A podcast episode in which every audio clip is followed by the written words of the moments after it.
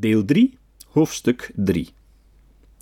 Wishful competentiedenken. De laatste jaren is er een enorme hype ontstaan rond competentiemanagement. Vaak betreft dit de zoveelste poging om het gedrag van mensen onder controle te krijgen. Voetnoot, bijvoorbeeld Hans Waldman. Competentiemanagement maakt organisaties dommer. www.managementsite.nl Einde voetnoot. Twee competenties verdienen in het kader van dit boek bijzondere aandacht. Overtuigingskracht wordt al jaren als een belangrijke competentie voor managers gezien.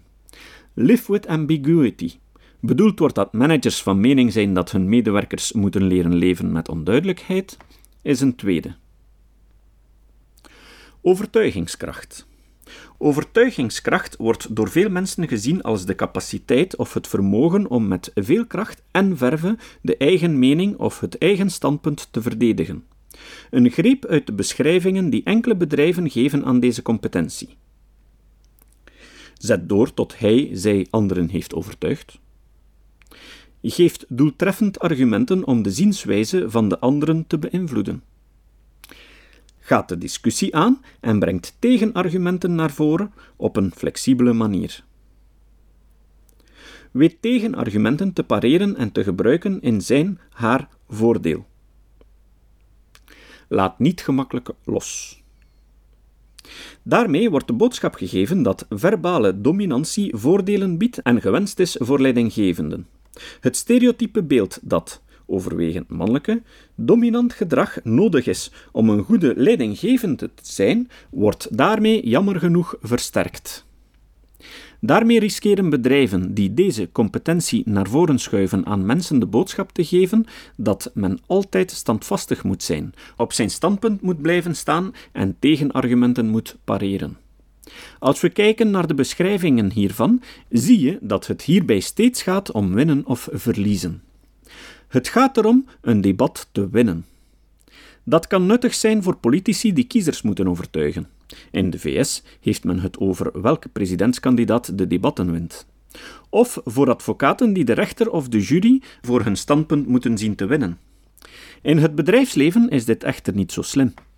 Door competenties los van elkaar te beschrijven en niet als één samenhangend beeld geheel in tegenstelling tot bijvoorbeeld de visuele voorstelling van gedrag op het interpersoonlijk zeer complex, riskeer je dat mensen je boodschap eenzijdig opvatten. Bovendien wordt deze competentie vaak het meest geciteerd en geïnterpreteerd in relatie tot het nemen van beslissingen. Je moet in deze benadering anderen overtuigen van je standpunt. En dat is nu net een van de slechtste manieren om beslissingen te nemen. Voetnoot: Zie hiervoor de uitgebreide uitleg in mijn boek rond leiderschap.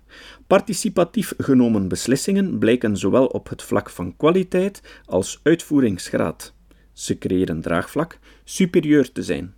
Einde voetnoot. Goed kunnen luisteren, empathie, participatie en dergelijke zijn mijns inziens minstens even belangrijke voorwaarden voor het nemen van goede beslissingen. De feitelijke uitvoering van beslissingen, genomen op basis van overtuigingskracht en argumenten, bedraagt bovendien slechts een schamelijke 58%. Nut 2002. Mensen geven de leider immers gelijk, of zijn even van de kaart door diens eloquentie, maar achteraf beginnen ze na te denken, en dan komen de weerstand of de bedenkingen toch. Al te vaak wordt dit managersgedrag verward met charisma. Maar zoals we elders uitlegden, komt er veel meer bij charisma kijken dan alleen maar verbale kracht, gewiekstheid en retoriek.